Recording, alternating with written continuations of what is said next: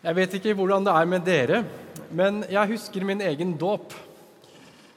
Jeg var seks år gammel, og hele søskenflokken skulle døpes. Og så husker jeg at jeg strevde med å forstå hva det hele betydde. Jeg skjønte at dåpen var eh, inngang til medlemskap i kirka, og jeg forsto at vannet var et symbol på noe som var levende. Men så pratet presten om å bli begravet og gjenfødt. Og det tenkte jeg at det trenger vel ikke en seksåring. Men nå er det sånn at i den teksten som vi har hørt i dag fra Matteus, så følger teksten om Jesu egen dåp rett etterpå. Og det er der Gud sier til Jesus, 'Du er min sønn, den elskede, i deg har jeg glede'. Og jeg kan ikke tenke meg et bedre utgangspunkt for noen enn å få den kjærligheten øst utover seg. Det er det ethvert barn og et voksent menneske trenger for å leve. Selvfølgelig trenger vi en masse andre ting også, som søvn og mat. Men uten kjærlighet så blir det ganske trist. Dåpen er en kjærlighetsfull inngang til livet. Men dåpen har også en del dramatiske bilder knytta til seg, sånn som vi nettopp har hørt. Og Det ene handler altså om å bli begravet og oppstå til nytt liv. Og et annet er knytta til skapelseshistorien, hvor jorden lå øde og tom, og Guds ånd svevde over vannet. Og fra ånden kom det liv. Og også i dagens tekst, hvor israelittene går tørrskodd gjennom havet, ser vi koblingen mellom vann og ånd eller vind. Det er knytta sterke bilder av kaos og liv i forbindelse med dåpen og Den hellige ånd. Det å bli døpt er å bli overøst av kjærlighet, og gjennom Den hellige ånd settes vi i kontakt med Gud. Men livet som døpt, det er ikke noe mindre kaotisk enn noe annet liv. Kanskje tvert om.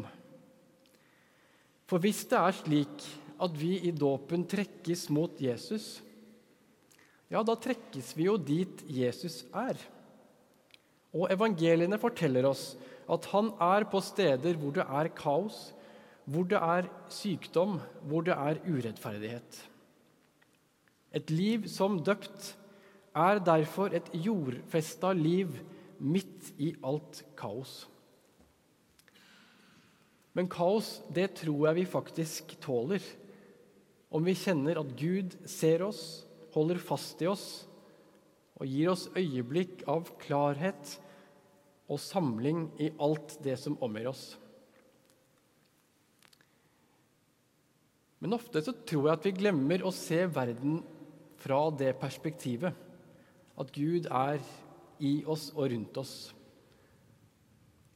Jeg tror denne måten å se verden på kan kalles for et mysterie. Og filosofen Gabriel Marcel har hjulpet meg til en forståelse av hva et mysterie er for noe. Og han setter opp mysteriet på den ene siden og et problem på den andre for å hjelpe oss inn. Et problem det er noe som vi kan fikse. Det er eh, vannglasset som er halvtomt. Men et mysterium det er noe ganske annet. For det er noe vi går inn i med hodet og hjertet og hele oss. Og mens vi løser problemer, så virker mysteriet på oss. Vi kan se delvis, men det vil alltid være mer. Det er som om det er uendelig med innzoomingsmuligheter og utzoomingsmuligheter i et mysterium. Og et liv som er døpt, er en invitasjon til å dykke ned i, til å leve i mysteriet. Og mysteriet er Guds kjærlighet. Vi har kjærligheten i oss, men den kommer også til oss utenfra. som i dåpen. Derfor så får vi overøst et mysterium over oss når vi døpes. Og vi plantes med beina på jorden midt i det som er. Ofte tror jeg vi er på flukt fra dette på en eller annen måte. For jeg tror at en av våre største utfordringer er at vi blir distrahert. Vi blir distrahert fra det som er viktig og vesentlig i livet. Jeg leste nettopp at det i en undersøkelse i et av våre naboland er slik at opplevelsen av mening, eller meningsløshet, har blitt firedobla de siste 20 årene. Vi glemmer altså hveten, det som gir liv, og vi blir sittende igjen med agnene. Endeløs scrolling, notifications fra så mange apper at det går an å spørre seg om hvem som har regien på livet. Og hva er det godt for? Gjør det meg til et bedre menneske? Til en bedre pappa? Til en bedre venn? Hvordan skal vi så klare å koble fra det uviktige og koble oss på det som betyr noe? Kanskje det rett og slett handler om kjærlig oppmerksomhet. Oppmerksomhet til hverandre, til Gud, til det skapte og til det vi trenger for å leve. Vi må rett og slett renske vekk det som er uvesentlig. Og så må vi øve opp den kjærlige oppmerksomheten til det og de rundt oss. Ser vi et par utslitte bukser, eller ser vi et par som med nål og tråd kan kle oss en stund til? Ser vi en kriminell, eller ser vi en som er skapt i Guds bilde? Ser vi en brysom tenåring, eller ser vi en som lengter etter å høre at hen er elsket? Jeg tror at kunsten kan hjelpe oss i å øve opp oppmerksomheten. For er det ikke nettopp det musikk gjør? Tar tak i et tema, utvikler det, dveler ved det, beskriver det og fargelegger det. Det er det som gjøres i Bachs kantate i dag.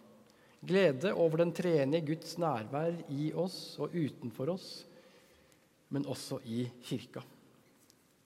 Det gjør en forskjell å lappe en hullete bukse og gi oppmerksomhet til tenåringen. Og jeg tror at hvis vi kjenner på et snev av lyst til å be, eller et snev av fascinasjon for det rundt oss, eller vi kjenner det banke litt ekstra, så er Den hellige ånd der og virker i oss. Gud i sin kjærlighet er der og holder fast i oss. Og kanskje kjenner vi på en voksende medfølelse, eller vi blir minnet på å ringe noen. Hva gjør det med oss hvis vi tenker på hverandre som Guds elskede? Hvordan vil det være å leve sammen da?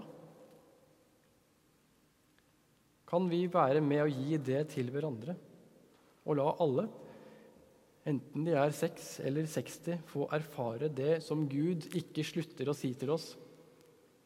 Du er min sønn, du er min datter, min elskede.